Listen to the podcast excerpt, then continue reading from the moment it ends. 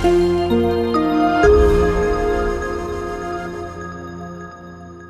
founders, welcome back to Ngobis, ngobrol bisnis by teman startup. Ini sudah episode ke ratusan ada ya? Oh belum? Udah episode eh, banyak lah ya. Dan hari ini eh, kita mau ngomongin suatu hal eh, terkait sustainability infa- yang membahas juga tentang environmental. Dan kita sudah kehadiran Kak David Christian selaku selaku apa nih Kak?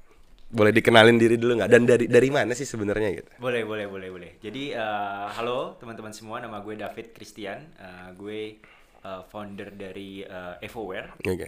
Jadi eh, jelasin dikit juga ya. Boleh, Evoware ya. boleh. Jadi Evoware itu kita eh, berger- eh, kita mempunyai visi besar kita ingin menciptakan dunia tanpa polusi plastik. Oke. Gitu. Jadi kita menyedia- menyediakan alternatif pengganti plastik yang terbuat dari bahan-bahan yang lebih natural. Jadi kayak ada dari rumput laut, dari beras, singkong dan lain sebagainya gitu. Oke. Tapi selain itu juga kita eh, ada eh, ada movement kita sendiri juga namanya Rating Campaign di mana itu kita eh, tujuannya adalah kita ingin melakukan kampanye-kampanye dan edukasi untuk bisa meningkatkan awareness eh, masyarakat gitu mengenai eh, isu lingkungan ini terutama di isu plastik Oke. gitu. Tapi selain itu juga gue ada perusahaan waste management juga Oke. yang berfokus eh, di waste pastinya dan juga eh, ini juga eh, untuk kayak recycling dan eh, waste handling dan lain sebagainya. Oke. Hmm. Kak, perusahaan waste handlingnya ini, waste managementnya ini di bawah Evoware juga atau enggak, oh beda ya? Beda. Oke, Itu apa tuh namanya? Namanya Terabi Pro.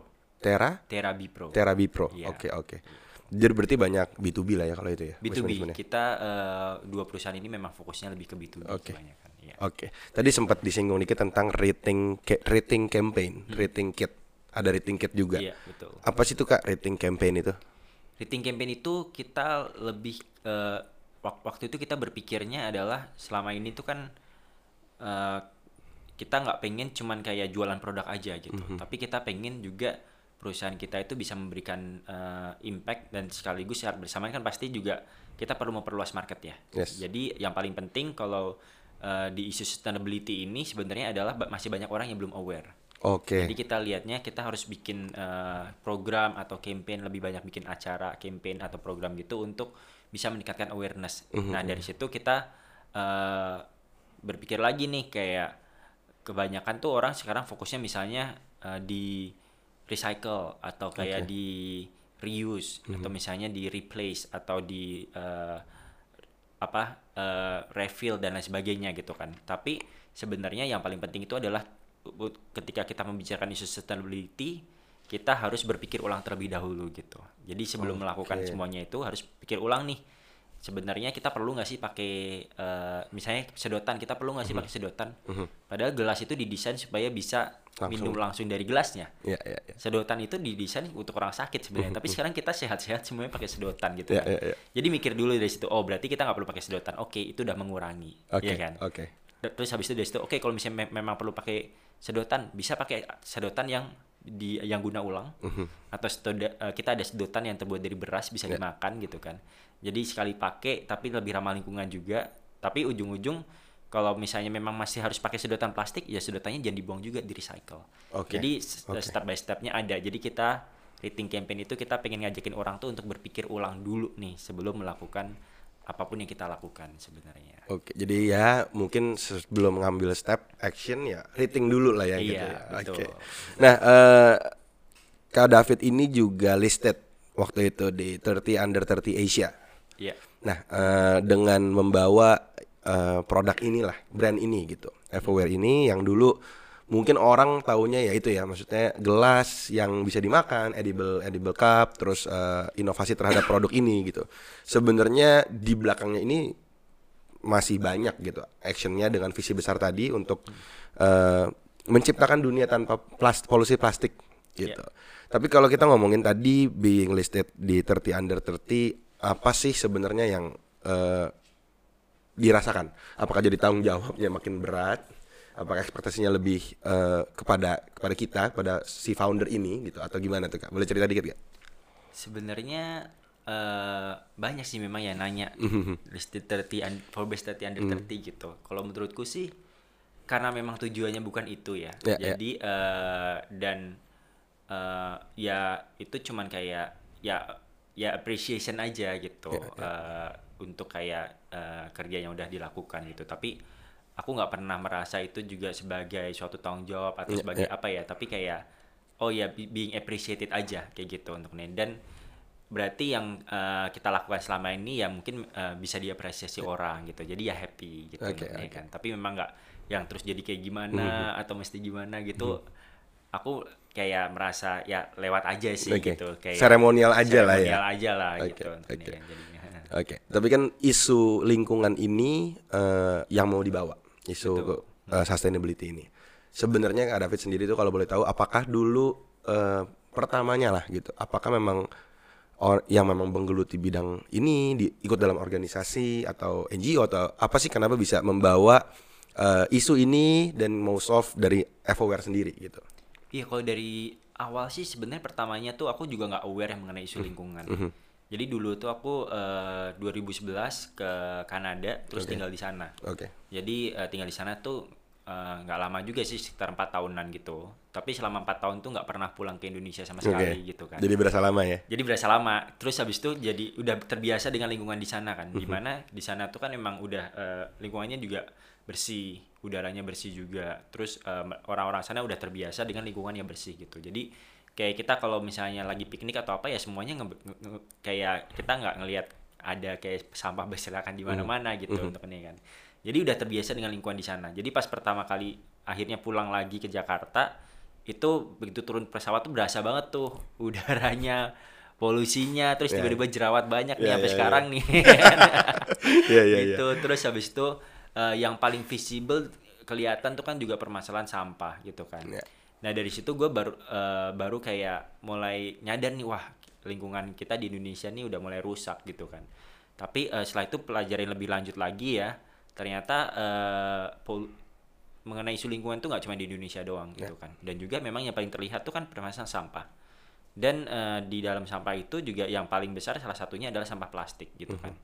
Di mana dari situ gue baru tahu tuh pas pulang itu juga baru tahu. Karena kayak eh, baca-baca kan di internet apa segala macam gitu itu kayak baru tahu kalau plastik tuh terdegradasi tuh bisa sampai ratusan sampai ribuan tahun gitu dan Oke. itu udah eh, sampai ke air minum kita ke makanan kita bahkan udah ditemukan di sel darah kita paru-paru kita dan eh, kayak ya berita yang terbaru tuh udah ditemukan di dalam ASI kayak gitu. Jadi eh, memang udah ada dalam kita sendiri nih gitu kan. Kayak kita pun makan plastik, minum plastik istilahnya Ya. tuh gitu gitu kan. Oke. Nah, dari situ deh baru kayak gue berpikir gue pengen bikin satu bisnis yang eh, punya produk yang memang produknya itu gue mikirnya harus beda awalnya Oke. supaya bisa meningkatkan awareness dengan produk yang berbeda ini. Jadi makanya dari situ eh, berkepikiran lah pertama kali itu bikin gelas yang bisa dimakan itu. Oke. Karena unik kan orang kayak gelas bisa dimakan apa sih kayak gitu kan. Nah, dari situ dulu tuh kayak baru kayak dari situ kita kasih tahu orang oh ini kita gelasnya bisa dimakan tuh sebenarnya kita pengen eh, tunjukin kalau gel- gelas plastik tuh itu apa eh, nggak ramah lingkungan dan berbahaya Oke, kayak gitu oke. dan bisa jadi kita pengen eh, bikin alternatifnya kayak gitu kan Oke. jadi dari situ tuh Oke. awal mulanya terus habis itu eh, itu di 2016 gue bikin terus ya berkembang berkembang jadinya sekarang kita diversify the products juga gitu. Oke, oke. So, em, yang tadi Kak David cerita gitu. Da- pulang dari Kanada nyampe ini kan ada sedikit yang kita miss. Apakah Kak David itu memang oke kit- oke berasa lah ya semua orang pasti ngerasa nih panas, kotor, polusi gitu.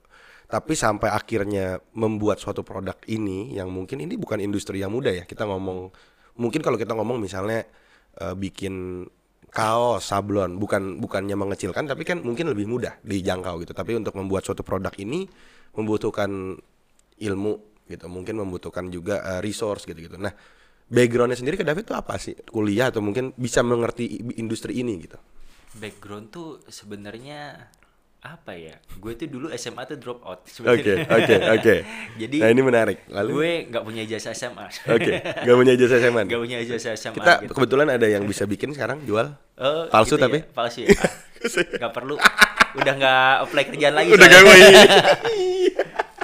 Ya ya ya. Terus Kak. Iya, jadi eh, terus ke Kanada itu gue tuh ngambil eh, college sebenarnya dulu. Oke, karena oke. memang di Indonesia udah bingung mau ngapain kan. Mhm. Jadi eh, sama orang tua udahlah eh, di Indonesia daripada kan waktu itu gue sempat kayak eh, jadi agen asuransi Oke, terus main oke. forex umur kayak 16 17 tahunan gitu hilang duit apa segala macam gitu kan akhirnya kayak ya udah ke Kanada aja gitu kan Kanada ya gue cuma ngambil college kayak community college gitu di mana itu juga gue cuman kayak berapa bulan gitu habis itu gue eh, nggak lanjut juga gitu kan Oh tapi nggak empat tahun itu college kan? Enggak, jadi gue kayak eh college itu kan harusnya satu tahun kayak college satu tahun kerja Ya, gitu ya, kan. ya, ya. Nah gue itu kan kayak tiga bulan habis itu gue berhenti terus kayak Oh, oke. kerja apa main apa segala- ya, terus ya. habis itu kayak masuk lagi terus kayak berhenti lagi ujung-ujung nggak lulus juga gitu Anjir gokil. nggak beres juga ujung-ujung gitu Tapi sampai 4 tahun deh ya? tapi empat tahun Oke, oke, kayak oke, gitu oke. jadi jadi ba- balik juga kayak ya emang nggak ada background apa apa nggak ada modal apa apa juga gitu kan. Ya, ya, ya. tapi kayak gue merasanya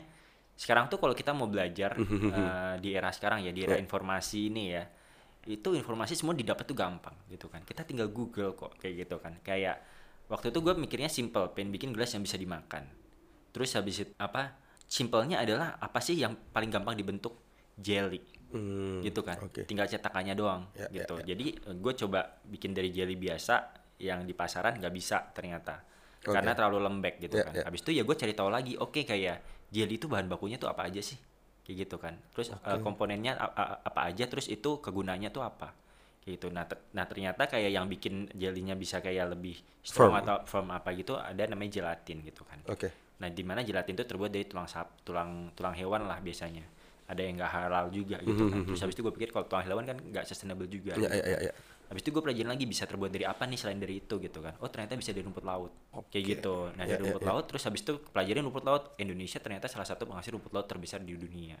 Gitu nah wah cocok nih gitu kan. Habis itu rumput laut juga di laut lagi kita udah Hmm. terlalu banyak lahan pakai lahan kita. Kalau di laut kan eh, masih luas banget gitu kan dan eh, bisa lebih sustainable kayak gitu. Nah dari situlah baru kayak kita coba angkat story itu juga kayak gitu. Terus dari situ baru kayak coba kontakin supplier-supplier, ngobrol sama mereka, habis Oke. itu diskusi kalau mengenai kayak bikin produk ini apa segala macam akhirnya bisa gitu, bikin gitu untuknya kan. Dari Oke. situ. Jadi eh, ya coba-cobanya sebenarnya dari situ nggak nggak ada background apa-apa Oke. juga gitu Setelah orang, iya, apa orang makanan gitu, industri food, food industry gitu atau ternyata nggak ada. nggak ada, nggak ada. ada. Tapi memang berarti eh, apakah Kak David ini seorang yang memang menurut lu orangnya suka ngulik gitu, mencari tahu sendiri, belajar sendiri gitu. Karena kan kalau nggak orang ya let's say kayak tadi cerita dari background tadi ya. Gue kuliah, kuliah di tadi ya keluar kita sebut tadi main-main gitu. Pulang gue pengen bikin ah males ya gitu. Misalnya kan ada orang yang berpikir seperti mostly gitu. Kan memang terlihat gitu misalnya. Tapi kan lo eh, usaha nih Kak untuk nyari lu cari tahu sendiri, lo mungkin kontak vendor, lo cobain sendiri, lo cari tahu tadi ada bahan-bahannya gitu. Dan menurut gue itu nggak semua orang punya eh, keinginan atau misalnya skill untuk melakukan itu gitu. Mungkin eh, kalau menurut gue semua orang punya skill itu Oke. ya. Gue juga nggak merasa gue spesial atau apa gitu juga. Cuman yang orang lain nggak punya tuh maksudnya cuman keberanian untuk mencoba Ya, aja ya, ya, sebenarnya. Karena kayak misalnya nih gue per- dat- eh, pas pulang nggak punya modal, nggak punya koneksi apa-apa juga karena sebelumnya gue juga tinggalnya bukan di Jakarta gitu kan. Terus habis itu nggak punya knowledge juga gitu kan. Kalau misalnya orang lain mungkin mereka berpikir wah gue eh, gue takut ah bikin bisnis karena gue nggak punya modal gue nggak punya knowledge ya. gue nggak punya pengalaman gue nggak punya apa-apa kayak gitu anaknya kan jadi kayak ya udah gue coba kayak kerja di tempat lain juga ya kerja tempat lain juga gak diterima juga kalau gue sih Iya, iya. Gak ada ijazah Iya, iya. cuman eh kalau kan kalau gue lebih mikirnya eh, enggak sih jalanin aja dulu gitu Iya, kan iya. kayak kita nggak pernah tahu loh maksudnya ketika kita menjalani itu ya ada istilah when you take action miracle happen ya Iya. Jadi kayak tapi kalau lu nggak take action lu mau kayak berdoa segimanapun juga juga nggak akan terjadi apa-apa bos gitu kan. Ya, jadi ya, ya. kalau gue prinsipnya sebenarnya ya action aja dulu gitu kan. Jadi eh, gue langsung cari tahu dulu kayak lebih kayak muter otak gimana nih caranya gitu kan. Gue emang nggak punya knowledge tapi gimana caranya gue kayak bisa punya knowledge itu kayak gitu kan gue emang nggak punya resource tapi gimana gue caranya bisa dapet resources itu ya berarti dengan networking misalnya kayak gitu kan jadi gue dari situ gue mulai nambah network gue gue mulai kayak keluar ke mana ketemu ketemu orang conference dan lain sebagainya Ya, ya. gitu kan jadi sebenarnya dari situ gitu Eh, Oke. bukan kelebihan atau apa juga ya tapi memang kayak gue kayak lebih kayak ke mentality aja sebenarnya kalau menurut gue ya Oke, oke. kalau gue kayak action aja dulu mungkin kalau orang lain lebih mikirnya banyak gitu loh mikirnya Ya, kayak ya, ntar ya, kalau ya. gagal gimana ntar kalau misalnya kayak eh, rugi gimana kayak gitu untuk nih kan. Tapi menurut gue kita harus fair juga kita harus mikir juga eh, kalau berhasil gimana gitu Ya, kan. ya, ya, kalau ya, kita ya. sukses gimana? Kenapa mikirnya kalau gagal mulu gitu loh? Iya, iya. harusnya dibalik Iya, dong iya. kayak gitu. Nah kalau kita sukses gimana? Ya udah itu kalau kita sukses wah kita bisa begini kita bisa jadi apa gitu. Oke ya udah berarti coba dulu lah. Kita nggak pernah tahu kok kayak gitu Iya. kan kalau gagal ya udah. Waktu itu ya mikirnya juga masih muda anyways kan. Iya, iya, iya, jadi ketika semakin masih semakin muda kan resiko kita semakin kecil juga. Nanti kalau gagal minimal kita udah punya pengalaman ya kan? Anggap aja kayak sekolah gitu Mhm. Iya, kan. iya, iya. sama kayak kita sekolah eh, tapi ini sekolah kehidupan aja Iya, jadinya iya, ya. gitu sih kalau menurut gue. Oke, Hmm. tapi yang tadi eh, lo sempat bilang nih kak, kayak ya akhirnya coba dulu aja. Dan itu itu tidak memastikan kalau lo pasti berhasil kan yang lo omongin tadi gitu. Iya. Ada resiko gagal pasti ada. Pasti ada. Tapi tadi satu lagi ada resiko berhasil dan dua-dua resiko ini dua-duanya sebenarnya jalan yang tidak mudah loh. dan itu 50-50 loh Iya iya. Dan gak gampang dong. Kalau berhasil berarti tanggung jawab lo lebih besar makin gede lagi Iya. gitu. Kalau gagal ya udah, lo menghabiskan waktu, uang, tenaga, udah gitu. Tapi ternyata kalau berhasil ya ini lebih tanggung jawab jangka panjang gitu untuk jalanin ini gitu. betul Oke, oke. Nah, kalau sekarang kita dari tadi udah ngomongin kayak latar, latar belakang seorang Kak David lah gitu. Eh kita ngomongin industri eh, eco-friendly ini gitu. Packaging khususnya di packaging eco-friendly. Tadi udah sempat dibilang sebenarnya seberapa harmful sampai katanya sudah ada di paru-paru dan ada di ASI gitu. Berarti di diri kita nih pasti ada kandungan plastiknya gitu. Karena separah itu gitu. Eh tujuan podcast ini sih kita nggak mau nakut-nakutin orang gitu lah ya maksudnya udah badan lo ada plastik gitu enggak gitu tapi kita pengen tahu sebenarnya yang termasuk dengan packaging yang disebut eco friendly itu seperti apa sih kak kan pasti lo juga do your research lah dari dulu gitu yang dibilang eco friendly nih gitu. Iya, yang pertama kita bisa melihat eco-friendly itu dari segi bahan baku ya. Mhm. Bahan bakunya itu kan kalau plastik itu kan terbuatnya dari minyak bumi ya, petroleum. Di mana petroleum itu cara ngambilnya aja udah merusak lingkungan gitu kan. Oke. Terus pemrosesannya juga menghasilkan eh, CO2 yang banyak gitu. Jadi eh, dari situ. Ketika eh, si packaging ini nggak menggunakan bahan baku yang dari petroleum itu masih eh, kadang-kadang orang masih bilangnya eco friendly juga gitu Oh, kan. iya, karena iya, iya. nggak itu. Tapi eh, yang kedua sebenarnya di ininya eh, di shelf life-nya. Jadi kayak plastik itu per- permasalahan paling besar juga salah satunya kan permasalahan paling besarnya juga adalah terdegradasinya lama. Ya, ya. ratusan tahun sampai ribuan tahun gitu kan. Jadi eh, yang menurut gue eco friendly juga makanya kayak kita misi visi kita adalah world without plastic pollution Mhm. itu eh, sebenarnya adalah kayak polusi plastiknya.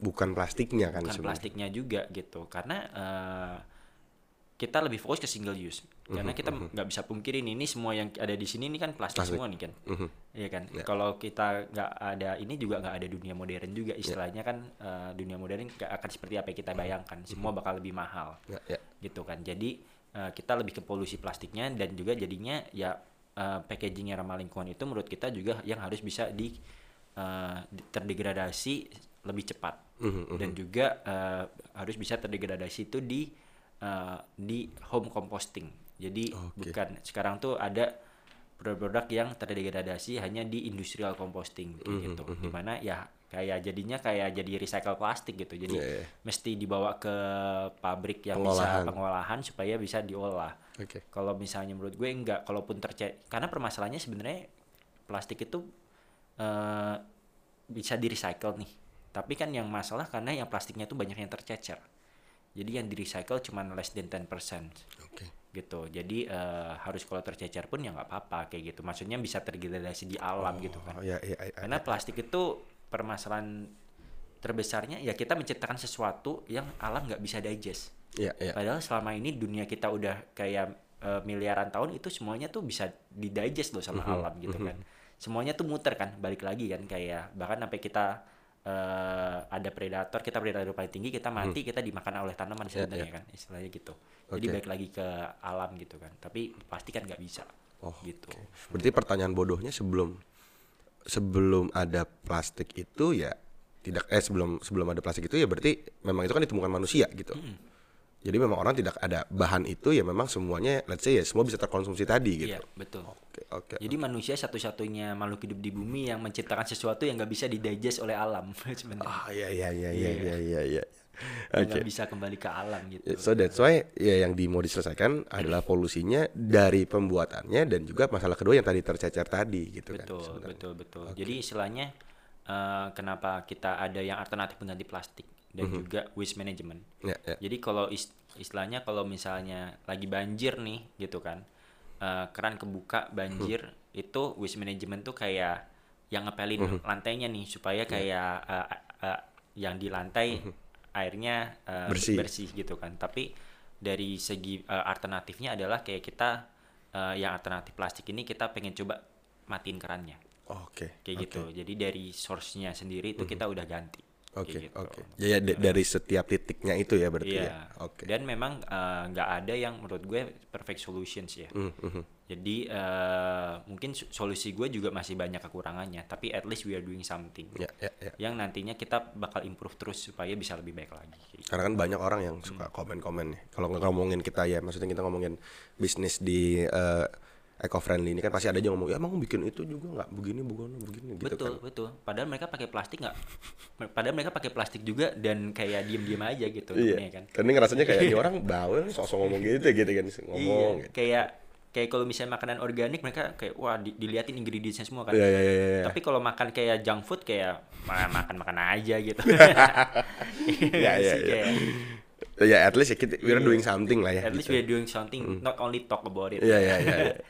Oke. Tapi kalau kita ngomong ini kan nama podcastnya kan ngobrol bisnis kan, Iya. bisnis. Eh, kita juga eh, teman startup kita pengen hubungin ini ke bisnis. Mungkin ini agak sedikit eh, bersinggungan dengan apa yang kita yang dijalanin oleh eh, Kak David walaupun memang it's business also gitu.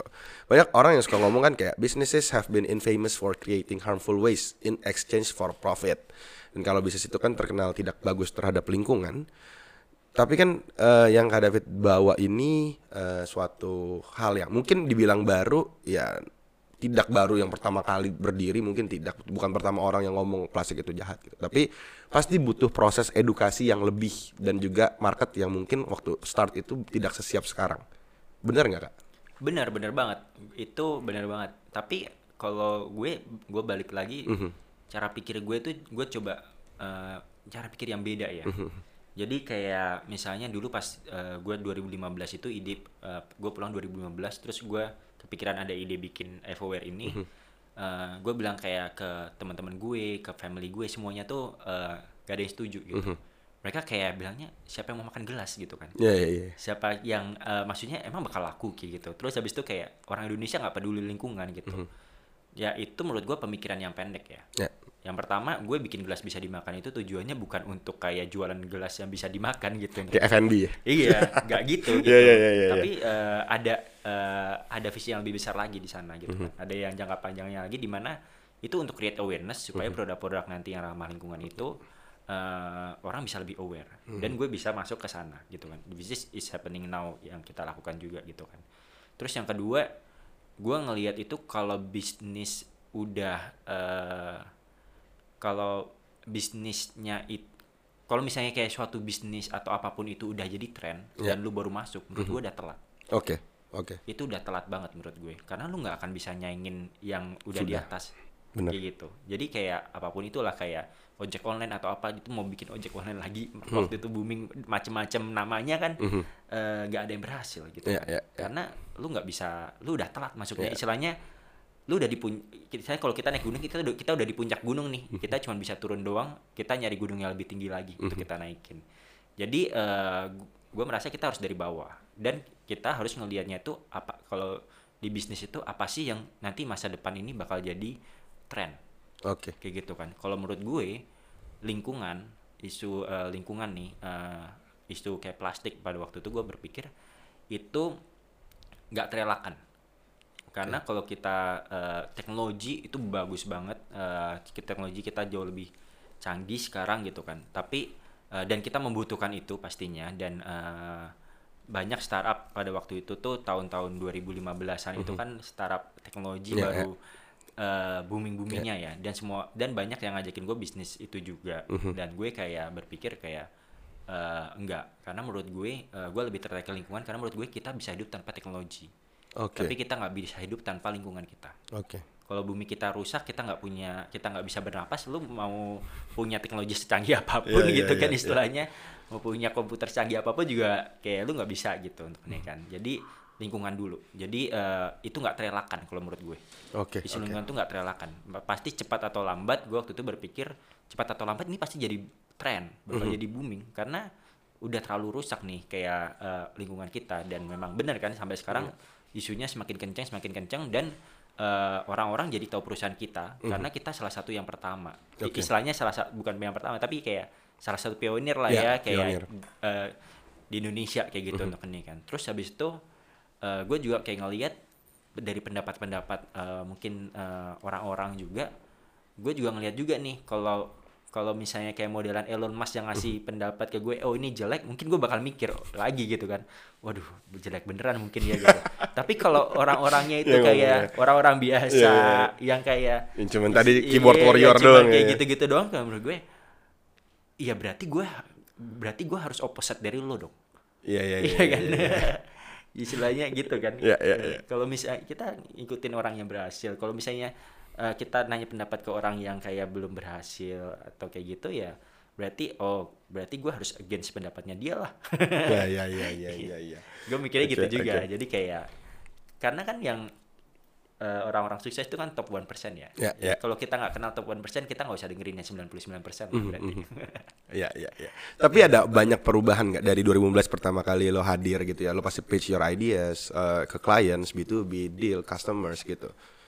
Eh, makin ke sini gitu. Orang semakin aware. Banyak. Jauh. jauh jauh j- jauh banget jauh banget dari kayak eh, dari segi bisnis ya kita eh, dari revenue dan lain sebagainya itu dibanding 2016 dibanding sekarang tuh jauh banget jauh banget. Oke. jauh banget dan awarenessnya habis itu kita juga sekarang melihat lebih banyak persaingan juga ya jadinya Ya, ya, ya. tapi menurut gue bagus juga karena eh, berarti kan eh, bisnisnya ber- berarti bisnis itu udah mulai eh, terlihat gitu kan jadi semakin banyak eh, persaingan juga semakin bagus juga selama kita bisa terus berinovasi aja kan Industrinya berarti grow lah ya. industrinya grow kayak gitu Oke, Ah. oke. Tapi kalau kita ngomongin tadi nih eh, tentang eh, sektor bisnis ini di tahap awal mungkin juga sampai sekarang pasti masih dialamin. Bicara tentang eco friendly orang banyak yang bilang pasti harganya lebih mahal Ya. dibanding yang yang memang tadi kita ngomong plastik gitu. Eh seperti apa sih kondisi dan mungkin apa ya dari dari sudut pandang eh, FOWare sendiri gitu. Ketika mau pitch ke customers atau B2B deals di mana B2 bisnis pasti kan cari yang lebih murah. Apakah value eco friendly ini bisa bisa mengalahkan value value lain gitu kan maksudnya dari harga gitu kasarannya. benar Atau memang you only sell to person yang memang lo beli value gua. Iya. Kalau dari segi bisnis sih sebenarnya ini ya, kalau kita ngelihat eh, produk eh, baru atau produk inovasi gitu, itu eh, istilahnya gini deh, kayak plastik itu sendiri pun nggak semurah sekarang ketika plastik itu pertama kali di- diciptakan, karena belum ada economic of skill-nya. Oke, oke. gitu kan. Dan juga eh, semua deh kayak teknologi yang kayak kita punya sekarang laptop zamannya kayak eh, dulu mungkin pertama eh, Bill. Gates sama eh, Steve Jobs bikin itu kan kayak awalnya mahal banget gitu kan. Kayak HP dulu kita SIM card harga bisa sampai ratusan ribu gitu kan. iya, sekarang iya, iya. harga berapa di bawah sepuluh ribu juga dapat gitu. 5.000 sekarang. lima ribu dapat gitu untuk ini kan. Nah eh, memang awal itu kita perlu early adopter. Iya. di mana early adopter itu ya memang orang-orang atau bisnis-bisnis yang percaya dengan eh, solusi dari kita. Kayak Mereka gitu yang kan. believe. mereka yang believe kayak gitu. Nah, nah dari situ kan naik tuh. Naik terus mereka ngelihat kayak oh ini oke juga ya. Kayak eh, apa eh, emang jadi solusi juga dan lain sebagainya mereka lebih sadar lebih aware. Nanti kan orang-orang pada ngikut tuh pakai. Oke. jadi adopter tuh kan ada pengikut tuh follower Ya, ya, ya, kan? ya, ya. dari follower tuh nanti baru kayak turun ke dan ke yang lain sebagainya gitu. Tapi eh, itu dari segi bisnis gue melihatnya seperti itu. Jadi memang target market gue adalah ya yang orang-orang yang percaya dengan visi gue dong. Oke, Iya kan, oke. yang punya visi yang sama. Kita ingin menciptakan dunia tanpa polusi plastik gitu kan. Ya jadi eh, bisnis-bisnis yang gue tawarin yang memang punya eh, Visi ke sana. value mengenai lingkungan juga, visinya ke sana juga kayak gitu untuk ini. Terus yang kedua, menurut gue itu eh, gue juga perlu mengedukasi orang-orang bahwa plastik itu murah, jangka pendek. Ya. kayak gitu. Kita pakai beli murah buang gitu kan. Itu jangka pendek. Tapi kalau kita berpikir jangka panjang nih ketika plastik ini tercecer terus habis itu eh, gak usah ngomongin kayak kesehatan deh ngomongin dulu eh, lingkungan gitu kan. tercecer nih habis itu eh, nyumbat saluran air banjir ya kan. Banjir habis itu it- itu juga udah kerugiannya banyak. Untuk untuk kayak penanggulangan banjir untuk kayak ngebersihin rumah lo kebanjiran Kerugian-kerugian stok barang stok lo. barang Iya, lo iya. habis itu kayak furniture lo Iya, iya, kasur lo gitu kan itu eh, Lebih it- costnya itu lebih udah gede. cost terus belum ketika tercecer ngerusak eh, lingkungan kita kayak misalnya di tempat pariwisata kayak Iya, gitu untuk ini kan itu untuk eh, untuk istilahnya nge-restore itu alamnya rusak menjadi bisa bagus seperti dulu lagi itu juga bakal spend eh, ratusan miliar dan triliunan loh gitu kan Ya, ya, ya. Nggak usah ke situ dulu juga deh. Maksudnya sesimpel kita buang sampah doang.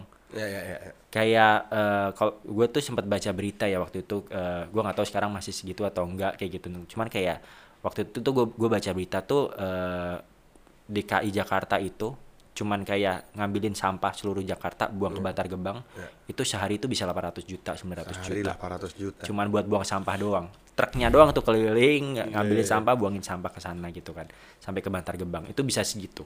Itu eh, sampah itu cuma buang sampah doang. Berarti kan udah kos juga tuh. Ya, ya. Iya kan? Terus belum nanti kalau misalnya udah masuk ke kesehatan tuh. Mhm, udah ditemuin di tubuh kita kita eh, di situ kan bisa menyebabkan macam-macam ya kanker dan lain sebagainya pas lu sakit gitu kan itu lebih daripada uang loh Ya, ya. gitu kan jadi kalau kita berpikir jangka panjang sebenarnya alternatif ini lebih murah jauh dibanding plastik Ya, kayak ya. gitu tapi tinggal lu mau mikirnya tuh jangka pendek atau jangka panjang kayak gitu Oke, kan ya. jadi kita nggak bisa di compare apple to apple juga sebenarnya nggak bisa di compare seperti itu karena nggak apple to apple Ya, ya, ya. Enggak, enggak ini ya kompetitor langsung gitu nggak bisa juga digituin gitu. enggak eh, makanya tapi ya kita juga paham gitu kan karena lebih banyak orang tuh berpikirnya jangka pendek Punya dulu. opsi, punya opsi iya soalnya. berpikir jangka pendek dulu. Tapi ya udah kita ya memang harus eh, ubah eh, mindset dulu ya Iya. kan? Eh, dengan berbagai cara gitu. Kayak salah satunya kita eh, untuk bisa menangani itu kita tuh bikin program namanya namanya warung lestari. Karena itu kita melihat juga selama ini tuh solusi cuman eh, cuman ada di menengah ke atas. Solusi alternatif ini kan dan karena yang mampu beli memang kalangan eh, itu menengah menengah ke atas gitu kan padahal salah satu penghasil plastik terbesar kan juga eh, kalangan marginal gitu kan. Di mana kayak seperti warung kayak gitu. Makanya kita bikin program dari rating eh, campaign, Campaign. itu. Kita bikin program namanya warung lestari. Di mana warung lestari ini kita ajarin kita sesimpel eh, ada behavior change dulu. Jadi kita edukasi mereka selama enam bulan kita minta mereka untuk nggak kasih se- dari sedotan kita mulai dari sedotan kita untuk sesimpel jangan kasih sedotan kalau customernya nggak minta. Sesimpel itu dulu. Oke. karena selama ini kayak kita datang ke warung ke tempat makan nggak minta sedotan juga dikasih sedotan kan udah dimasukin gitu kan. Kita ubah dari situ dulu sesimpel nggak kasih sedotan kalau customer nggak minta. Kalau customer yang minta dikasihlah sedotan. Tapi sedotannya yang dari kita kita ada sedotan yang dari beras itu bisa dimakan. Nah eh, itu sedotannya kita subsidi supaya semurah plastik Oke. kayak gitu. Terus habis itu eh, di bulan-bulan berikutnya kita ajarin mereka mengenai waste management untuk pemilahan sampah. Nanti sampahnya kita bisa beli. Jadi mereka bisa punya penghasilan tambahan Ya, ya. yang sebenarnya nanti harga sedotannya kita naikin pelan-pelan Ya, ya. eh, supaya bisa normal lagi. Secara bisnis kita bisa eh, berbisnis lagi juga. Tapi mereka juga meras- nggak nggak merasa berat karena mereka punya penghasilan tambahan plus udah pengurangan sedotan nih. Ya, ya, Dari ya. tadinya mungkin pakai 1000 sedotan, sekarang pakainya 700 atau 500 sedotan karena udah nggak kasih kalau customer nggak minta Ya, gitu ya. kan.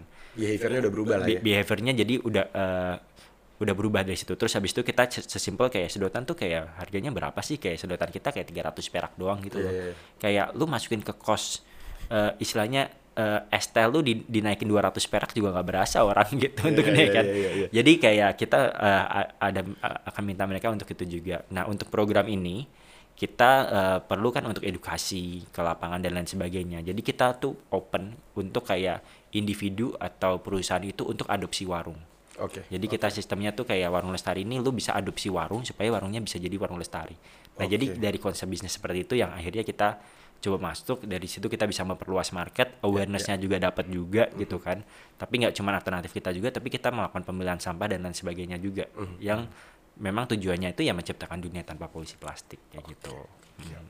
Ya memang memang nggak gampang dan nggak instan ya tadi ya untuk untuk merubah itu gitu. Betul, betul. Tapi memang effortnya ya tadi yang udah diceritain ya, sejauh itu gitu. Benar. Ya kalau ya harus mulai lah, harus Ya, ada ya, yang mulai. juga gitu kan. Hmm. Tapi tadi kalau kita ngomongin kayak ada early adopters yang memang udah oke believe believe aware dari 2015 berdiri gitu.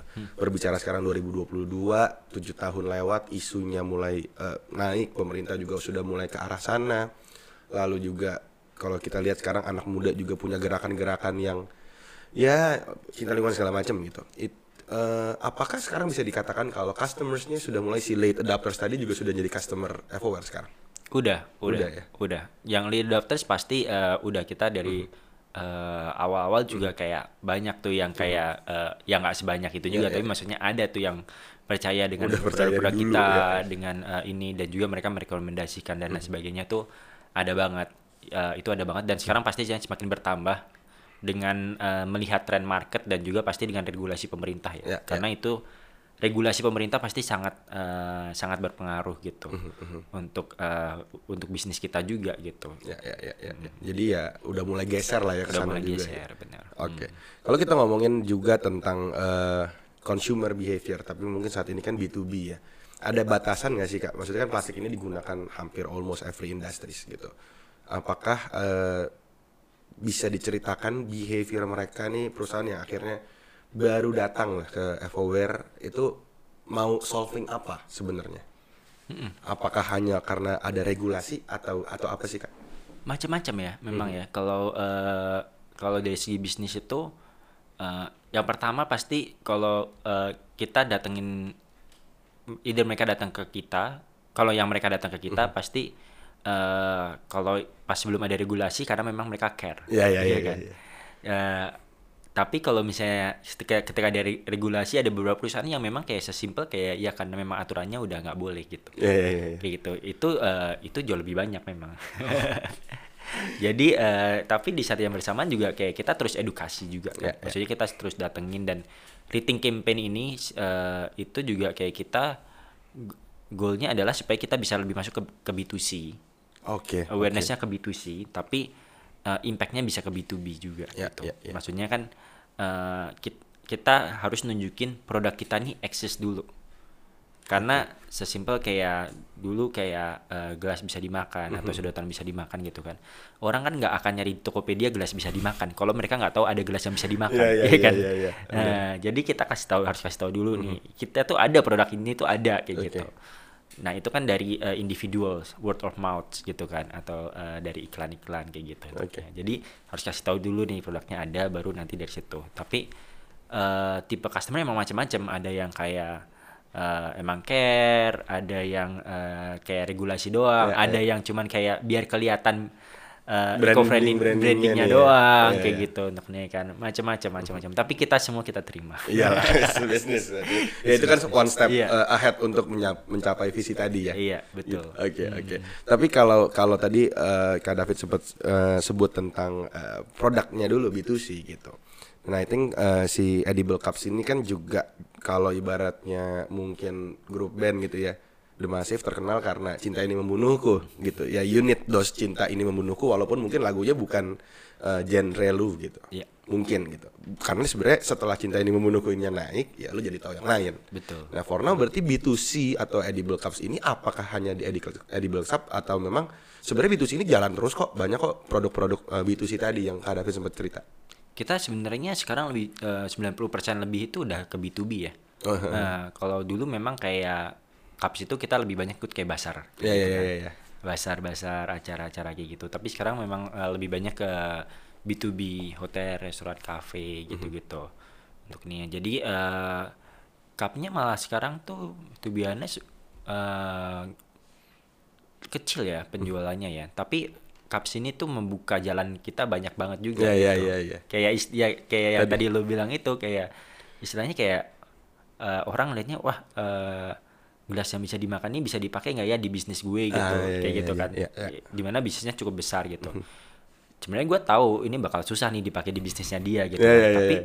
nggak apa-apa yang penting kan kita akhirnya kan terbuka akses untuk ke sana Ya, ya. ketemu bisa dengan ownernya Mhm. bisa dengan kayak yang uh, decision making lah ya yang decision uh, bisa langsung ke decision making karena produk kita tuh unik gitu kan tapi pas kita datang kita nggak cuma bawa gelasnya doang Ya, bawa kita semua. bawa Bawa semuanya semua. akhirnya mereka beli yang lain Ya ya ya ya ya, ya. Oke. gitu Oke Nah, oke. jadi itu sebagai pembuka jalan aja Oke. So dan ya sekarang fokusnya memang di B2B. iya Ya ya ya udah apa lagi kalau B2B udah jalan ya apalagi gitu ya. Oke oke.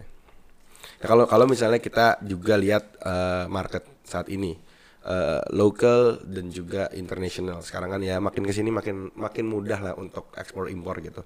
Apakah Everware juga fokusnya sudah mulai keluar atau gimana sih? Kak? Boleh cerita? Iya kita memang eh, dari dulu kita juga banyak ekspor ya. Mhm. Tapi eh, dulu mungkin kalau kita ekspor tuh masih kayak kuantitinya nggak- banyak Mhm. kecil-kecil gitu kan. Kalau sekarang kita udah mulai eh, ekspor eh, dengan container basis.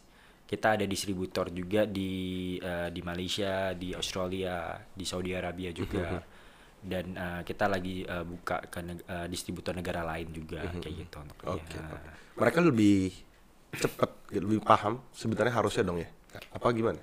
Iya, jadi eh, distributor ini memang mereka juga ngelihat eh, market juga kan pastinya kan. Ya, Kalau kalau kayak di Australia kan memang udah peraturannya udah mulai nggak boleh. Ya, ya. Di Saudi Arabia juga ternyata udah mulai nggak boleh gitu loh. Jadi mereka harus cari alternatif nih kayak gitu Oke. kan.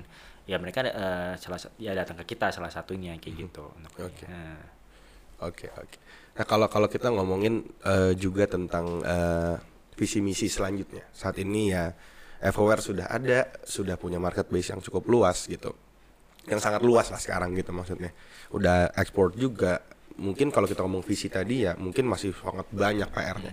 Tapi visi ke depan atau goals ke depannya rencananya mungkin agak lebih besar daripada yang day to day ada apa nggak sih kak saat ini? Ada, kita sih pasti eh, ini ya dari eh, baik lagi dari segi produk Mhm. yang eh, solusi yang kita tawarkan, kita pasti bakal lebih diversify lagi gitu. Jadi eh, solusi yang kita bawa bakal lebih banyak. Nggak cuman eh, istilahnya kan kita nggak cuman bawa solusi kita juga gitu. Ya, ya, kita ya. juga kayak membawa solusi-solusi dari perusahaan-perusahaan lain juga Iya. yang memang kita juga bantu pasarkan juga dan juga kita bantu bukakan. Karena kita uh, kita punya supply chain-nya lah kayak gitu. Dan uh, kita tahu kita mau lempar ke mana gitu kan. Uh, jadi kita bakal lebih perbanyak juga dan dari segi research dan development kita juga kita uh, akan uh, mengeluarkan produk baru juga pastinya uh, yang yang bisa menjadi solusi yang lebih baik lagi juga daripada uh, alternatif kita yang sebelum-sebelumnya juga gitu kan dan juga dari segi uh, rating campaign ini sendiri kita kita pasti lebih perbanyak lagi juga kayak gitu kayak dari segi program dan juga dari segi uh, ininya nih dari segi jangkauannya juga kayak gitu. Ya, kayak ya, misalnya warung lestari kita baru kayak di Jakarta doang. Mungkin nanti kita bakal bisa uh, buka di tempat lain kayak Oke, gitu kan. oke. terus uh, di di kota-kota lain juga kayak gitu. Dan juga kayak untuk uh, program yang lain ka- kampanye yang lain atau uh, edukasi uh, edukasi awareness yang lain juga gitu kita akan uh, terus lanjutkan lanjut. pastinya dan juga un- uh, untuk untuk opening more market juga di luar juga gitu karena kan baik lagi tujuan kita kan dunia ya nggak cuma Indonesia doang Ya, gitu ya, kan ya. jadi kita mau lebih banyak open uh, negara-negara untuk uh, distribut uh, produk kita juga gitu Oke, oke. Nah, ini mungkin last question nih kak. Kalau kita bicara tentang eh, regulasi, kita bicara juga tentang em, harga, price gitu, market trend, semuanya lah gitu. Apakah mungkin at in the future lah gitu, sustainable packaging ini bisa jadi head to head gak sih sebenarnya sama yang tidak eco friendly? Apa bahkan packaging yang tidak eco friendly ini malah end? eh menurutku sih Mhm. kayak istilah gimana ya kita nggak akan bisa eh, 100%. 100%. Oke. Istilahnya kayak narkoba aja sampai sekarang masih ada udah nggak boleh gitu Iya, iya benar juga benar benar. Jadi eh, ya yang kita bisa lakukan ya sebenarnya ya kita eh, terus mengedukasi aja Mhm, dan juga eh, research dan development juga harus terus jalan gitu Mhm. untuk nih kan. Dan dari segi apakah itu harga bisa head to head atau enggak itu tergantung kalau menurut gue. Tergantung Jadi apa tuh? Pertama dari research dan developmentnya bakal Oke. se-advance apa kitanya ya. kitanya Mhm. eh, atau kayak kita bisa berkolaborasi juga untuk melakukan eh, R&D gitu kan. Ya, ya, ya. Yang kedua itu juga dari eh, ini dari regulasi ya. Jadi kayak misalnya eh, kayak plastik itu kan terbuatnya dari petroleum nih, mhm. minyak bumi. Ya. Minyak bumi kan oil apa segala macam kan selama ini banyak disubsidi ya oleh Ya, ya, pemerintah ya. di berbagai negara di Mhm, dunia mhm. ini ya kayak gitu kan. Kalau misalnya kayak subsidi itu dicabut terus diga, terus habis itu digantikan ke subsidi yang eh, produk-produk yang ramah- lebih ramah lingkungan atau bahan baku yang lebih ramah lingkungan Jadi ya lebih mahal harga itu eh, jadinya kita bisa bersaing gitu Mhm. kan. Atau enggak kayak model kayak oke lah enggak tapi misalnya kayak diput eh, ada eh, plastik ada teksnya misalnya kayak gitu Ya, untuk ya, kenaikan. diput teks di plastik karena itu menghasilkan eh, limbah yang lebih atau kayak eh, merusak lingkungan lebih. Jadi ada tambahan teks kayak atau cukai kayak istilahnya kayak cukainya Ya, ya, gitu ya, ya. untuk kan nah itu eh, mungkin produk kita bisa jadi lebih bersaing Ya, pastinya kayak gitu. Jadi cuman kalau misalnya tetap stay the same kayak dengan keadaannya sekarang itu bakal sulit banget Ya pasti. sama aja kayak sekarang Sama gitu aja ya. kayak sekarang kayak gitu. Mau apa pun yang kita lakukan Iya. R&D juga ya susah ya. Iya, tapi menurutku eh, pemerintah makanya sekarang pemerintah seluruh dunia itu juga lagi berpikir mengenai isu eh, lingkungan, isu permasalahan sampah dan lain sebagainya ini karena memang mereka juga pastinya sekarang udah mulai sadar gitu. Kalau mereka spend banyak uang untuk hanya untuk menyelesaikan permasalahan lingkungan doang gitu. Dan kadang-kadang kita sebagai individu kita kayak mikirnya, oh itu kan masalah pemerintah. Eh, itu uang yang dipakai uang pajak kita gitu kan. yang mungkin bisa harusnya dipakai buat Iya, iya, ngurusin iya, iya. eh, pendidikan, kesehatan dan lain sebagainya ini buat ngurusin sampah gitu loh, ya kan. Jadi eh, itu nggak itu sebenarnya ngaruh-ngaruh juga gitu Ya, ke ya. kita. Ya, itu kan secara secara ya aspek aspek apa ya aspek politiknya juga terjadi juga gitu Iya, kan. benar, Nggak bisa kita kayaknya kita tetap bisa deh kayak gitu. Iya, Ya susah juga gitu. Iya, benar-benar. Oke. Emang cukup kompleks. Ya. Oke oke. Ini ada satu ini tambahan terakhir kak. Ini ada salah satu program dari Rating Campaign yang mungkin menarik. Namanya Rating Buds. Ini berarti pengolahan Puntung ini ya. rokok. Puntung rokok, Puntung rokok. untuk jadi produk ya. Iya, Pro- betul. produknya ini apa aja nih kak? Produknya tuh macam-macam. Jadi Hmm. eh, Rating Buds itu kita waktu itu kolaborasi dengan eh, ada waste, eh, perusahaan waste management juga namanya Parompong. Hmm. Oke. Itu kayak eh, jadi kita ke restoran, restoran kafe gitu, eh, kita eh, minta mereka kumpulin puntung rokoknya, taruh di eh, kantong kita. Hmm. Eh, terus eh, terus habis itu kita seal. Itu kayak eh, u- untuk nanti akhirnya tuh dari si puntung rokoknya itu selama ini tuh dari pemrosesan di sana itu harus kalau mereka pakai plastik biasa terus habis itu harus kayak dipindahin gitu Ya, kan? ya, ya, ya. si puntung rokoknya ke mesin mereka. Tapi ketika itu pakai eh, kantong kita nggak perlu. Jadi bisa langsung dimasukin sama kantong-kantongnya langsung diproses kayak gitu. jadi nggak ada sejak covid itu nggak ada penyebaran virus lagi ketika mereka melakukan pengumpulan puntung rokok. Ya, ya, ya, kayak ya. gitu nah itu kerja sama kita. Itu eh, rating bat. Tapi kita juga ada yang mirip sama rating bat itu namanya kesan atau kerja kesadaran itu kita eh, Masker ya. masker. Kita untuk ngumpulin masker sama gitu. Jadi eh, kumpulin masker itu kan resikonya adalah penyebaran virus kan. Tapi itu begitu maskernya masukin ke kantong kita itu kita s- habis itu di seal terus kirim Langsung. ke tempat kita. Kita juga kayak nggak buka lagi terus habis itu eh, untuk proses kita langsung cemplungin aja.